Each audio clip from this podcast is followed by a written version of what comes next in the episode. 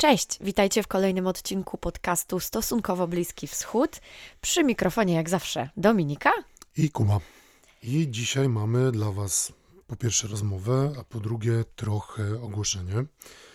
Naszymi gośćmi dzisiaj są Klara Lewandowska i Marianna Komornicka z Kompasu Kryzysowego. Dokładnie, dziewczyny są reprezentacją w sumie ośmioosobowej grupy e, licealistek i licealistów, którzy mm, tworzą pewien świetny projekt i właśnie o tym projekcie e, bardzo chcieliśmy, żebyście usłyszeli dzisiaj więcej. E, zapraszamy Was do wysłuchania tej rozmowy, a potem dalszy ciąg programu. Cześć, bardzo miłe, że zgodziłyście się zagościć w naszym podcaście no i opowiedzieć o swoim projekcie. Cześć dziewczyny. Cześć, dzięki wielkie za zaproszenie też. Cześć, bardzo dziękujemy. Fantastycznie. No i tak, kompas kryzysowy. Y, zacznijmy od, od takich podstaw, podstaw. Powiedzcie nam, co to jest kompas kryzysowy, jaka jest jego idea? No, kompas kryzysowy to jest projekt dotyczący kryzysów humanitarnych, to jest projekt edukacyjny.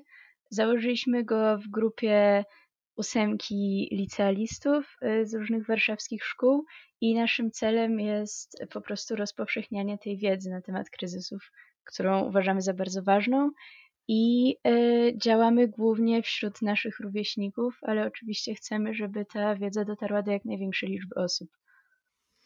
A jak to się dzieje, jak to się stało, że grupa licealistów właśnie wpadła na taki pomysł? Bo zwykle, zwykle to są projekty jakichś większych organizacji pozarządowych, to są projekty grantowe często, albo projekty medialne, a tutaj mamy właśnie grupę licealistów i to z tego, co rozmawialiśmy przed nagraniem, licealistów z różnych szkół.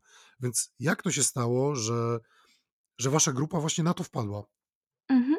E, my realizujemy nasz projekt w ramach konkursu, który nazywa się Zwolnieni z teorii. I to jest taki konkurs, który mm, daje głównie licealistom możliwość zrealizowania projektu społecznego. E, to, że istnieje taki konkurs, na pewno jest dużym ułatwieniem i to też sprawiło, że wpadliśmy na pomysł, że coś takiego w ogóle może być możliwe. Ale e, zaczęliśmy ten projekt dlatego, że pomyśleliśmy sobie, że e, bardzo dużo organizacji ciekawych.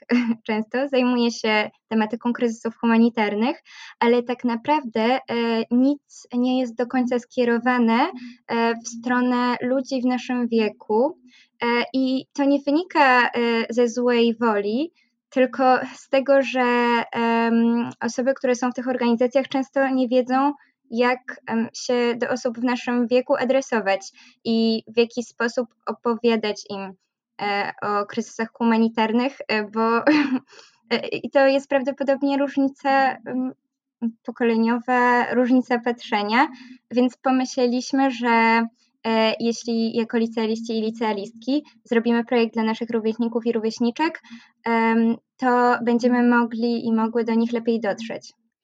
Tak, ja się w pełni zgadzam. Nawet powiedziałabym, wydaje mi się, że te różne organizacje często celują do E, do osób starszych, ze względu też na to, że celują do osób, które rzeczywiście realnie mogą przekazać jakieś finansowanie. E, dla wsparcia, a nie celują do osób młodych, no bo e, one zwykle nie mają takich pieniędzy, żeby wesprzeć fundację, a jest to w pewnym sensie e, no błąd, prawda? Bo to jest kwestia edukacji tych młodych pokoleń, żeby one potem dorastały z takim poczuciem misji, że na przykład trzeba pomagać, że trzeba zwracać na to uwagę, że to jest ważne i tak dalej, i tak dalej. No bo powiedzcie same, czy wydaje Wam się, że dzisiejsza szkoła zapewnia dostateczną liczbę informacji o kryzysach, konfliktach na świecie?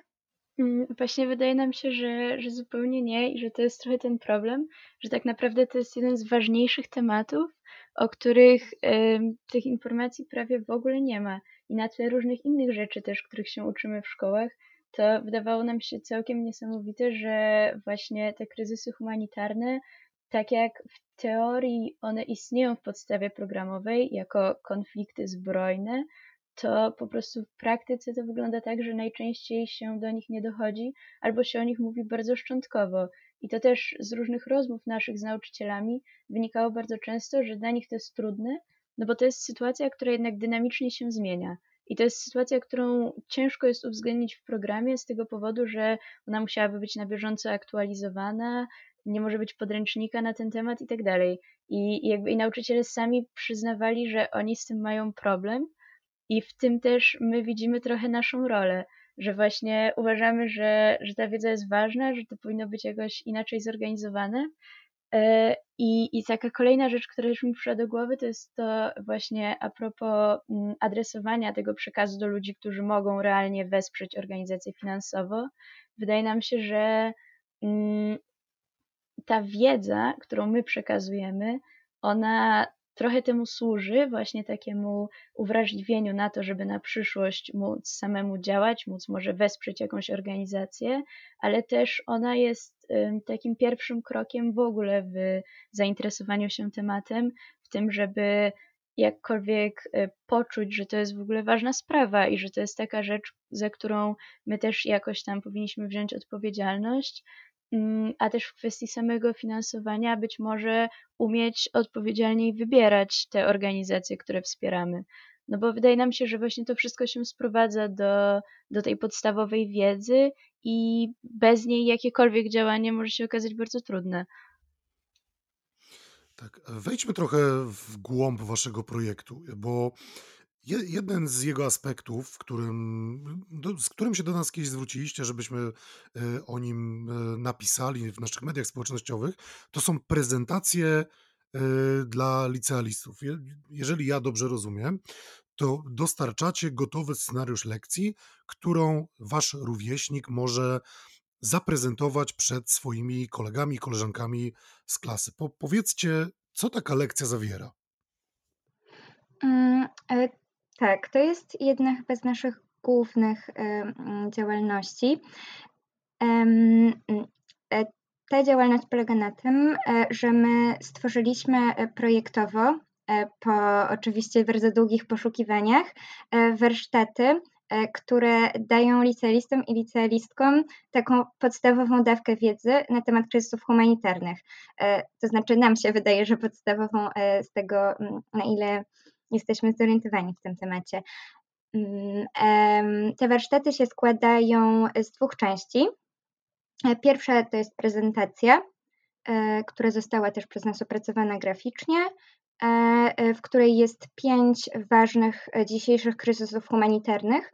Każdy z nich został przez nas tak dobrany, żeby był reprezentatywny dla pewnego rodzaju kryzysów humanitarnych. Oczywiście trudno jest mówić o rodzajach kryzysów humanitarnych, ale chodzi o to, na jakich płaszczyznach kryzysy się rozgrywają i, e, i, na, i co jest najpoważniejszym problemem e, w ramach tych kryzysów. Czyli e, na przykład w jednym z nich najpoważniejszym problemem jest kryzys uchodźczy, i wtedy mówimy o kryzysie Rohingya. E, inny z nich dzieje się w Europie, e, kryzys w Donbasie. Inny z nich jest najpoważniejszym kryzysem humanitarnym na świecie, Jemen i tak dalej, i tak dalej. Mm, ich jest w sumie pięć. Licealiści prezentują je przed swoją klasą. To powinno trwać około jednej godziny lekcyjnej. I druga część tych warsztatów to są już E, takie zadania, zajęcia e, zrobione dla nas z myślą o zespołach klasowych. Ich jest e, kilka do wyboru i osoby, które przeprowadzają warsztaty, mogą sobie wybrać, które części tych warsztatów przeprowadzą. I te części polegają na bardzo różnych rzeczach. Albo to są pomysły na moderowane dyskusje na temat kryzysów humanitarnych, albo pomysły na e, użycie jakichś ciekawych stron internetowych albo programów, na przykład Slavery Footprint. Um, albo e, jest to obejrzenie e, wideo o kryzysach humanitarnych i potem quiz na ten temat i rozmowa o nim. Mm, warsztaty są do wyboru i i przeprowadzający wybierają sobie, mm, którą część przeprowadzą. To brzmi naprawdę świetnie i to brzmi jakby no było na niesamowicie zaawansowanym też poziomie, profesjonalna robota. E, ale powiedzcie, czy wy wszystko samodzielnie opracowaliście i przygotowaliście, czy macie jakieś wsparcie swoich nauczycieli albo, albo rodziców, czy, czy ktoś to z wami na bieżąco konsultuje albo konsultował na początku, kiedy, nie wiem, trzeba było wybrać akurat te pięć kryzysów konkretnych, czy, czy wszystko robicie zupełnie samodzielnie od A do Z? Mm, to jest tak, że my trochę poszukiwaliśmy na początku takiego wsparcia i zastanawialiśmy się też, jak uwierzytelnić to, co robimy, bo mieliśmy dość dużą świadomość, że, że właśnie zwracając się do różnych organizacji, na przykład, no bardzo często to jest jednak barierą, że jesteśmy licealistami i, i trudno jest pokazać, że, że jakby, że ta wiedza jest y, merytorycznie sprawdzona jakoś tam rzetelnie zebrana i tak dalej. Mm, trochę pomogła nam w tym Olimpiada Zwolnionych Story, bo właśnie to jest jednak jakieś tam uwierzytelnienie tego, co robimy, ale w kwestii samej pracy merytorycznej to jest raczej coś, do czego dochodziliśmy sami.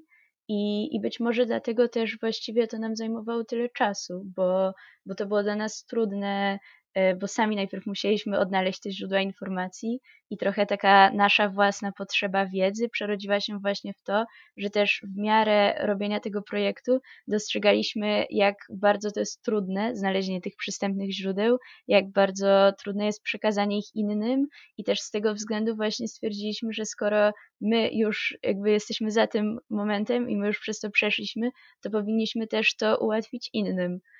I, I trochę stąd się wzięła ta nasza potrzeba opowiedzenia o tym też. No właśnie, bo wspominasz czas, a powiedz, y, ile to w sumie Wam zajęło od momentu powstania idei do momentu, kiedy projekt był ukończony, w sensie gotowy do wysyłki? Tak, no właściwie to jest cały czas proces ciągły. Zaczęliśmy w czerwcu z takim pierwszym luźnym pomysłem, kiedy zebraliśmy się całą naszą grupą i, I to był taki pierwszy moment, kiedy wszyscy powiedzieliśmy sobie, że jesteśmy bardzo zmotywowani do działania i że wiemy już mniej więcej, co chcemy zrobić, ale tak naprawdę bardzo dużo rzeczy się zmieniły od tego czasu. I, i względem naszych takich pierwszych pomysłów, to, to w sumie dużo rzeczy wyszło inaczej, ale jesteśmy z tego bardzo zadowoleni. A sam projekt ruszył właściwie w październiku i od tego czasu dołączały do niego kolejne aspekty naszej działalności. I tak jak na początku zaczynaliśmy właśnie od tego tworzenia prezentacji, warsztatów do szkół, tak później to się przerodziło w spotkania z ekspertami, stworzenie strony internetowej, współpracę z ligą debatancką i, i właśnie i pojawiały się kolejne rzeczy. A jak reagują na, ten, na te pomysły wasi rówieśnicy? Nie wiem, wasi koledzy, koleżanki ze szkoły? Y, czy, czy jest pozytywny odbiór, czy, mo, czy może też zdarza się jednak odbiór negatywny także i jakaś krytyka ze strony powiedzmy mniej przychylnych rówieśników? No i jednocześnie, czy duże zainteresowanie jest y, od innych szkół, żeby z tych waszych projektów korzystać? Tak, y, to jest ważny temat. Wydaje mi się, że zwroty są raczej pozytywne, to znaczy nasi rówieśnicy i rówieśniczki są bardzo zdziwieni tym, że byliśmy w stanie takie warsztaty sami stworzyć. E, przynajmniej tak jest przede wszystkim ze strony moich znajomych, którzy takie warsztaty przeprowadzali. E, zwłaszcza osoby, które same interesują się tą tematyką, a jest ich trochę, są bardzo pozytywnie zaskoczone tym, że istnieje taki projekt, ale no, czasami też na pewno spotykamy się z obojętnością i z tym, że mm, nie wszystkich ciekawi ten temat i nie wszyscy zdają sobie sprawę z tego, e, na ile on jest ważny, ale to tylko pokazuje, e, to tylko pokazuje, jak nasza działalność jest potrzebna i ważna, tak mi się przynajmniej wydaje. E, I to sprawia, że mamy ciągłą motywację do tego, żeby weryfikować to, czy nasze metody i sposoby przeprowadzania naszej działalności są właściwe, czy są dostosowane e, do naszych odbiorców i odbiorczyń. E, i my otrzymujemy, e, staramy się otrzymywać i prosimy o ciągły zwrot od osób, które, mm, które obserwują nasze media społecznościowe, albo które biorą udział w naszych spotkaniach, albo które przeprowadzają warsztaty, żeby móc tak ulepszać naszą działalność, żeby ona była po prostu ciekawsza dla, e, dla naszych rówieśników. A jeśli chodzi E, a jeśli chodzi o to drugie pytanie, e, które ty Dominika zadałaś, czy mogłaby się powtórzyć? Y, czy macie duży odbiór, duże zainteresowanie samymi tymi warsztatami? Czy z innych szkół dostajecie zgłoszenia? Czy to są na przykład szkoły w całej Polsce, czy tylko w Warszawie? Jak to na razie wygląda? E, mamy. Mm, mamy spory odbiór, to znaczy zgłaszają się do nas bardzo zaskakujące osoby z bardzo różnych miast. I nie tylko dużych, ale też małych w Polsce. I jesteśmy, jesteśmy z tego bardzo zadowoleni dlatego że nie sądziliśmy, że to już na samym początku będzie miało e, inną skalę niż tylko warszawska. E, e, zgłaszają się też do nas czasami nauczyciele szkół, którzy chcą po prostu korzystać z naszych materiałów. Tak, ale jednak nauczyciele są w mniejszości zdecydowanie i to są głównie uczniowie. I też jeszcze taka ciekawa rzecz, która się wiąże z tym odbiorem naszego projektu, to jest to, że bardzo często Mm, spotykamy się z osobami, które same mają taką chęć działania i, i, są zaangażowane w różne inicjatywy, a mimo to pytają nas właśnie, dlaczego mają się angażować akurat w to i dlaczego ten temat kryzysów humanitarnych ma być dla, dla nich ważny i no i właściwie i czemu my to w ogóle robimy. I myślę, że to jest bardzo ważne, że, że właśnie, że dostajemy takie pytania i że trochę musimy się z tym zmierzyć i musimy się zmierzyć z tym, jak w ogóle wytłumaczyć, że właśnie to jest coś takiego, czym warto się zainteresować. Nawet ludziom, którzy jakby generalnie mają w sobie tę energię, żeby działać i żeby coś zrobić. Tak, to jest, e, to, to jest bardzo ważne, bo faktycznie obserwujemy, że jest albo, albo duży, duża doza obojętności, czy niewiedzy, czy czasami może nawet ignorancji, ale właśnie dlatego myślę, że, że istotne jest, żeby, żeby o waszym projekcie mówić, więc powiedzcie, czy, czy jest duże zainteresowanie mediów wami?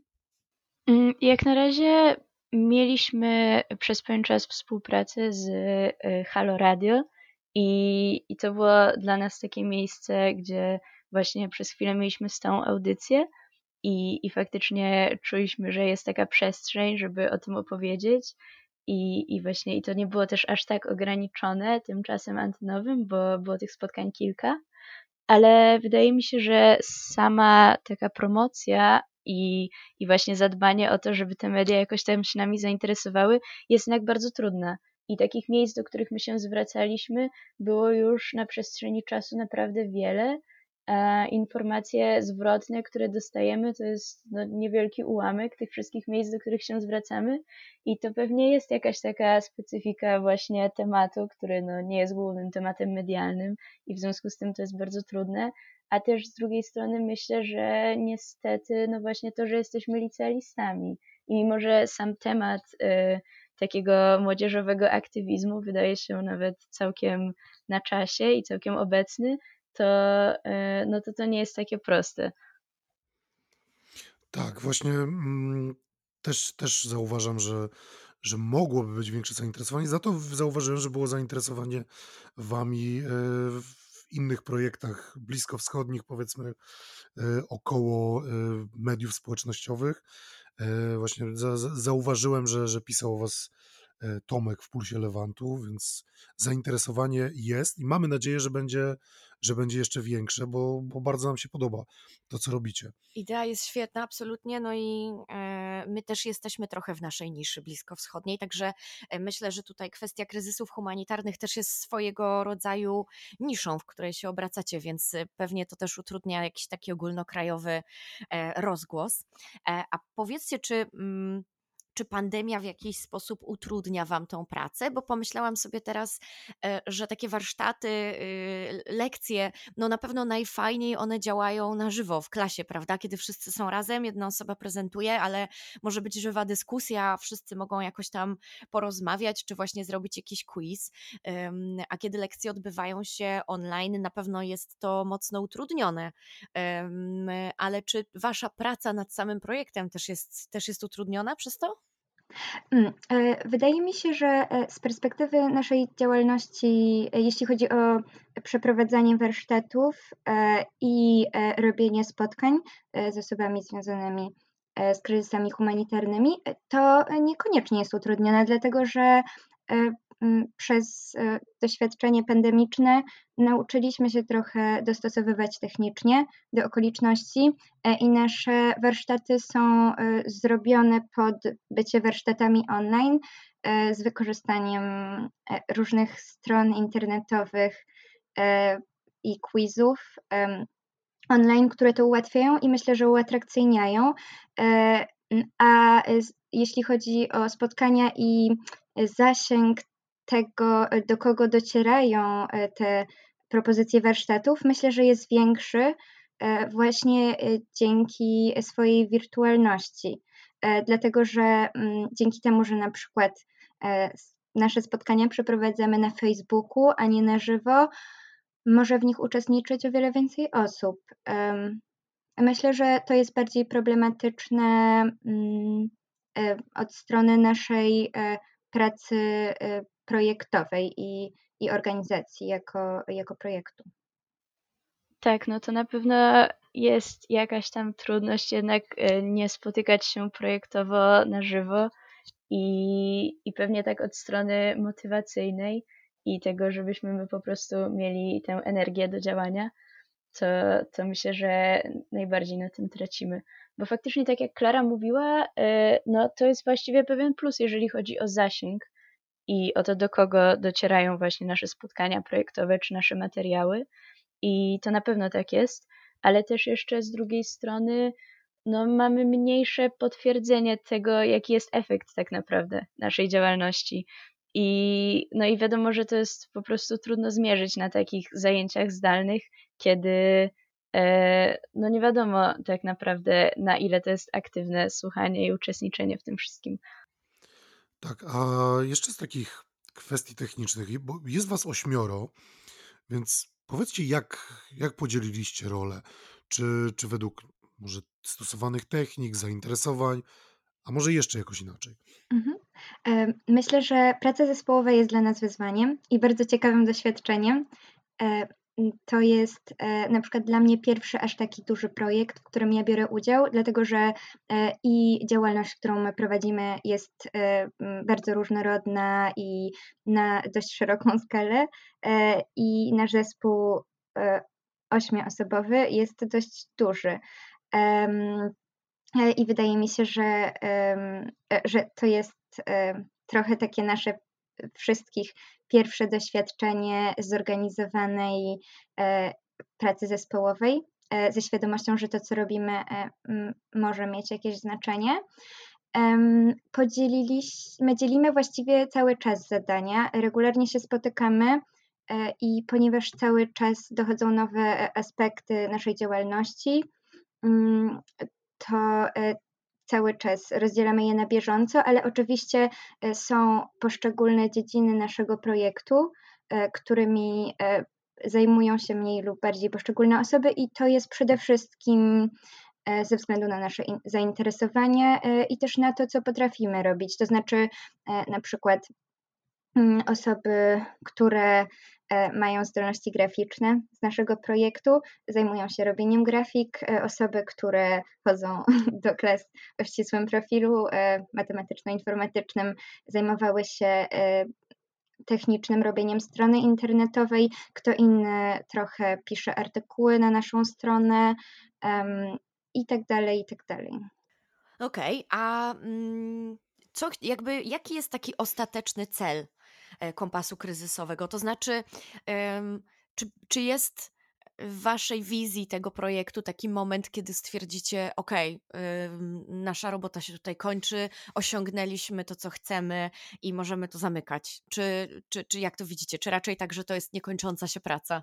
Na chwilę obecną zdecydowanie nie chcielibyśmy kończyć i widzimy, że to się rozwija, widzimy, że trochę już przerosło nasze oczekiwania pod pewnymi względami i my też mamy wypracowane już właśnie pewne sposoby działania, jakieś partnerstwa z różnymi organizacjami, e, jakieś właśnie takie schematy, aspekty naszej działalności i wydaje mi się, że na tym etapie jest coraz łatwiej to wszystko rozwijać i, w pewnym sensie my dopiero zaczynamy, właśnie mając już tę bazę, na której można się oprzeć i, i dopiero teraz możemy pójść z tym wszystkim dalej. Myślę, że e, na pewno e, nie chcielibyśmy tego zamykać w ten sposób. I nie wiem też, czy jest taki moment mierzalny, w którym można łatwo powiedzieć, że, że tutaj już nasza praca się kończy i spełniliśmy nasze zadanie. Wydaje mi się, że, że trochę sam temat kryzysów humanitarnych jest takim tematem, który nie do końca pozwala wyznaczyć sobie takie zadanie i, i że nasza praca polegająca na tym y, szerzeniu wiedzy, na tym uwrażliwianiu na problem, to jest właśnie taka praca, która nie powinna się kończyć, tylko powinna się rozwijać i docierać do coraz większej liczby osób. A czy planujecie powiększyć wasz zespół w związku z tym? Mm, to jest pytanie. Na razie jesteśmy ograniczeni przez Olimpiadę Zwolnionych z Teorii i zobaczymy, co dalej. A właśnie, e, jaki jest plan na przyszłość? To znaczy, no bo wy jesteście teraz w liceach e, i no, za jakiś czas je ukończycie i nie boicie się, że projekt się wtedy rozpadnie? Czy jakby macie plan, nie wiem, przekazać go kolejnym pokoleniom licealistów, którzy będą go od was przejmować, czy e, raczej wy chcecie go trzymać jako swój i po prostu jak ukończycie licea, pójdziecie gdzieś tam dalej, czy na studia, czy, czy w jakąś inną stronę, to założyć z tego jakiś, nie wiem, startup, czy, czy jakąś fundację, stowarzyszenie i kontynuować już dalej jako tacy edukatorzy? Myślę, że my sami cały czas zastanawiamy się nad przyszłymi formami naszej działalności, też dlatego, że na samym początku, jak zaczynaliśmy ten projekt, to e, z myślą, że on będzie okresowy, bo jednak w ramach olimpiady, i teraz się okazało, że e, to jest coś, co właściwie można robić ciągle i e, prawie że w nieskończoność. Wydaje mi się, że to prawdopodobnie zależy od osób, które są w naszym projekcie. Pewnie niektóre zostaną, inne odejdą w zależności od, jeśli przedłużymy projekt, w zależności od naszych priorytetów. Ale myślę, że e, bardzo możliwe, że będziemy kontynuować ten projekt na e, mniejszą skalę, na przykład prowadząc mniej działalności naraz i przez to sprawiając, że on będzie możliwy do realizacji jako jedna z rzeczy e, obok studiów. Chyba nie myśleliśmy o założeniu startupu ani e, organizacji, ale e, kto wie, może Marianka, ty masz jakieś pomysły na przyszłość? Ja czasami mam różne takie pomysły i tak sobie myślę, że właściwie to byłoby wspaniałe i że to mogłoby się udać, ale to prawda, że to jest jeszcze decyzja, której nie podjęliśmy. Natomiast to, co zaczęliśmy robić na pewno, to właśnie trochę otwierać nasz projekt na inne osoby i pewnie ten skład projektowy się jakoś zmieni w przyszłości, a już teraz na przykład dajemy innym osobom możliwość pisania na naszej stronie internetowej.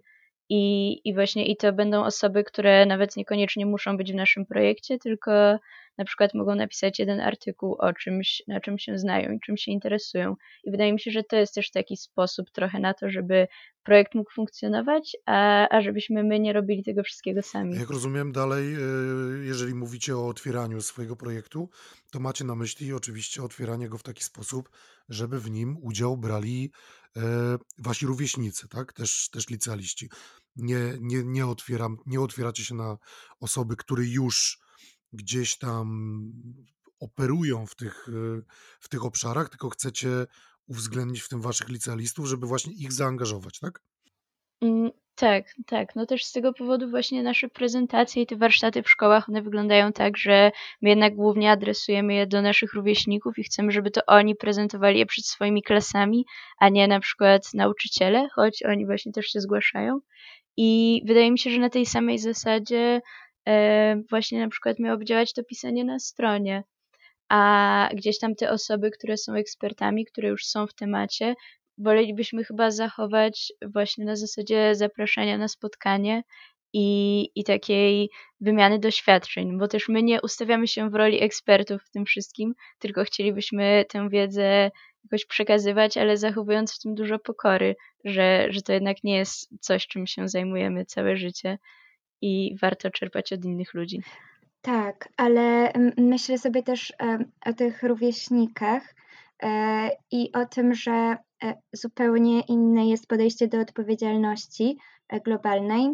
Mm, dotyczącej kryzysów humanitarnych, jeśli to my, jako młode osoby, przejmujemy inicjatywę i próbujemy rozpowszechniać wiedzę o nich i mamy poczucie, mm, że że mamy jakiś wpływ na innych, albo to, co robimy, może odegrać jakieś znaczenie. I dlatego to jest też takie ważne, e, żeby kłaść nacisk na aktywną działalność licealistów i licealistek, osób w naszym wieku, żeby one, tak samo jak my, czuły, że, że mogą mieć wpływ na Mm, na stan wiedzy siebie i innych w temacie kryzysów humanitarnych i żeby przez to czuły się razem z nami bardziej odpowiedzialne za, mm, e, za świat, który nas otacza. Fantastycznie. Trzymamy bardzo mocno kciuki e, za Wasz projekt, za Was i bardzo się cieszymy, że taka inicjatywa jak Kompas Kryzysowy powstała. I e, no cóż, mamy nadzieję na e, szerszą współpracę w przyszłości. Dziękujemy Wam, że znalazłyście dzisiaj czas, żeby z nami porozmawiać. My Wam bardzo dziękujemy. Dziękujemy bardzo za zaproszenie. I do usłyszenia.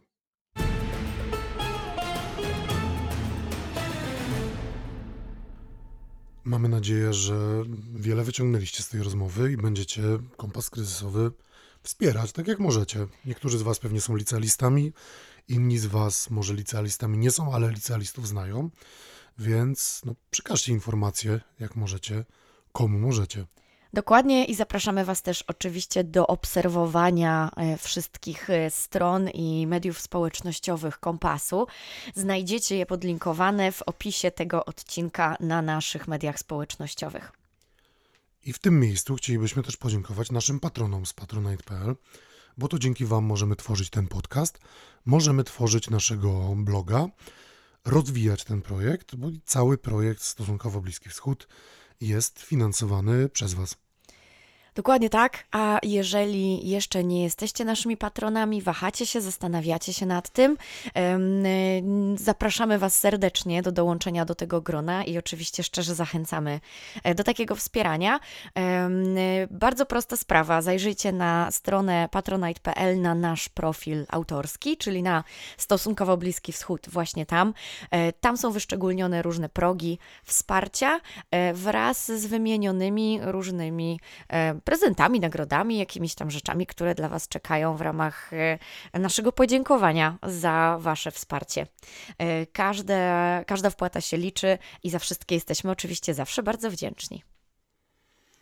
Tak, a teraz przechodzimy do drugiej sprawy z dzisiejszego odcinka, bo pisaliśmy o tym właściwie ostatnio trochę w mediach społecznościowych naszych, no ale pewnie nie wszyscy z Was obserwujecie nas na Instagramie czy na Facebooku.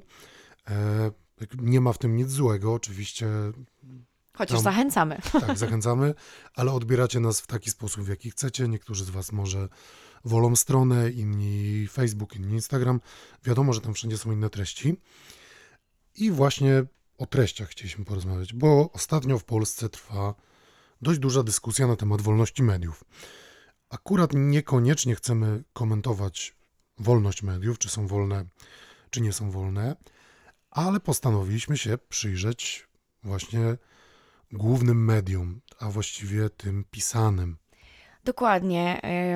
Wychodzimy z założenia i właściwie od zawsze z niego chyba wychodziliśmy, bo też to była jedna z przyczyn powstania naszej strony i w ogóle projektu Stosunkowo Bliski Wschód, e, że w polskich mediach brakuje informacji dotyczących Bliskiego Wschodu.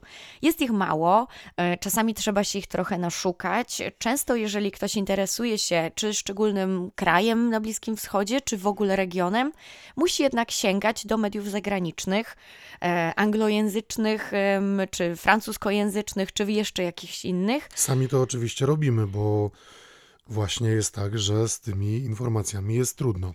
Tak, także zaglądamy, staramy się doszperać zawsze do źródła, y, do tej pierwszej relacji, poszukać dla Was informacji i staramy się Wam oczywiście zawsze dostarczać te sprawdzone newsy, gdzie potwierdzamy, że nie są to e, tak zwane fejki i, i chcemy, żeby to było na dobrym poziomie, ale oczywiście chcielibyśmy, żeby tego typu treści były łatwiej dostępne i żeby było ich więcej też w polskojęzycznych mediach. Tak, ale trochę tutaj broniąc naszych, na, nasze media, tygodniki, portale, to nie jest tak, że tych treści w ogóle nie ma. One Oczywiście, oczywiście, są.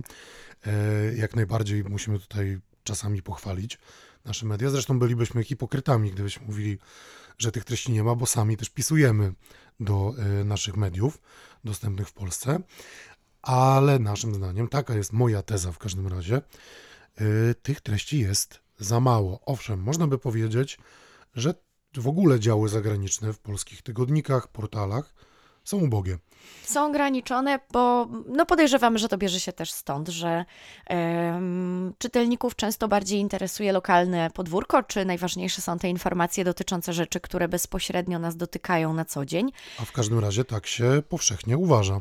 Ale też nie bez przyczyny. E, Taką popularnością cieszą się e, różne portale, blogi e, czy podcasty, i my bardzo się cieszymy, że możemy być jednym z takich miejsc, które Wam informacji o Bliskim Wschodzie dostarcza. E, No ale stwierdziliśmy, że zaczniemy taki, taki cykl, nazwijmy to, e, w którym chcielibyśmy mm, trochę z Wami się spotkać, e, żeby do tych mediów wspólnie zaglądać. Tak, ten cykl, no to jest już trochę przykra wiadomość dla tych, którzy nas nie obserwują na Facebooku i Instagramie, ale może Was zachęci do tego, żebyście nas tam obserwowali. Będzie na Facebooku i na Instagramie w formie live'u tak zwanego. Jeszcze live'ów nie robiliśmy, więc jest to dla nas zupełnie nowa forma. Troszkę będzie pewnie stresująca.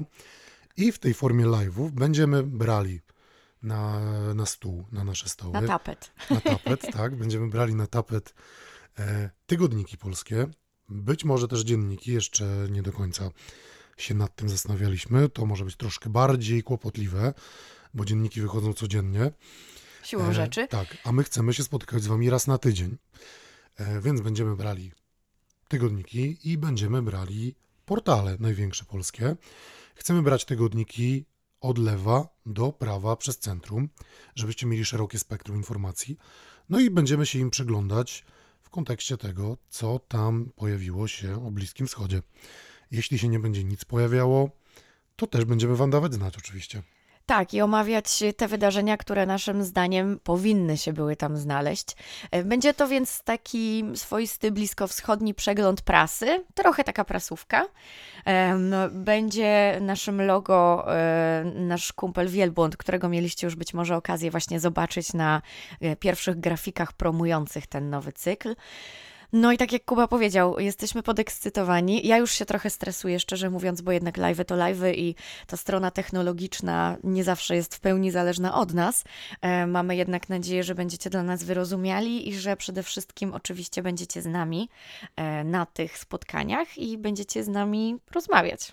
Tak, ale mamy też kanał na YouTubie, więc troszkę go rozruszamy w ten sposób. Bo owszem, nasze live będą na Facebooku czy na Instagramie, ale później będziemy je zapisywać i będziemy się starali, żeby w miarę szybko pojawiły się na YouTubie. Więc w razie, gdyby ktoś z Was przegapił live'a na żywo, to będzie mógł później do tego dojść. A w trakcie live'ów będziemy też chcieli, żebyście wy pisali swoje opinie, może Albo sugerowali... zadawali nam pytania. Tak, może zadawali pytania, a może będziecie pisać nam w komentarzach, że znaleźliście coś w jakimś medium, które my przeoczyliśmy. Oczywiście, że tak. Y, Przede wszystkim chodzi nam o to, żebyście wy z nami tam byli, z nami rozmawiali, e, bo robimy to wszystko dla was. Dzięki wam, dla was, przez was i tak dalej. Także e, chcemy, żebyście też czynnie w tym projekcie z nami uczestniczyli. Tak, i tak jak tu wspomnieliśmy wcześniej, oczywiście wszystkie media, które będziemy sprawdzać, no to nie jest tak, że będziemy sprawdzać wszystkie media w kraju, bo to jest po prostu niemożliwe. Ale wszystkie media, które będziemy sprawdzać, będą to media lewicowe, centrowe, prawicowe, jak najbardziej, niezależnie od tego, jakie wy macie poglądy, jakie my mamy poglądy, będziemy po prostu wszyscy wiedzieć, co się w poszczególnych mediach dzieje. I mamy nadzieję, że uznacie to za, za wartość. Tak, postaramy się tak jak zawsze trzymać się e, naszego obiektywizmu najlepiej jak tylko potrafimy. E, także mamy nadzieję, że też w jakiś sposób każdy znajdzie coś dla siebie w tych przeglądach prasy. Tak więc ruszamy w przyszłym tygodniu. Więc obserwujcie to, co się będzie działo na naszych mediach społecznościowych. Tam będziemy podawać więcej szczegółów, będziemy pisać, kiedy to będzie dokładnie. No i mamy nadzieję, że się z Wami spotkamy.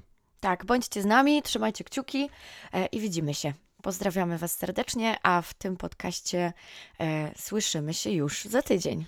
Tak, ale najpierw jeszcze chcielibyśmy poinformować, że możecie do nas oczywiście pisać na kontakt małpa stosunkowo bliski wschód.pl.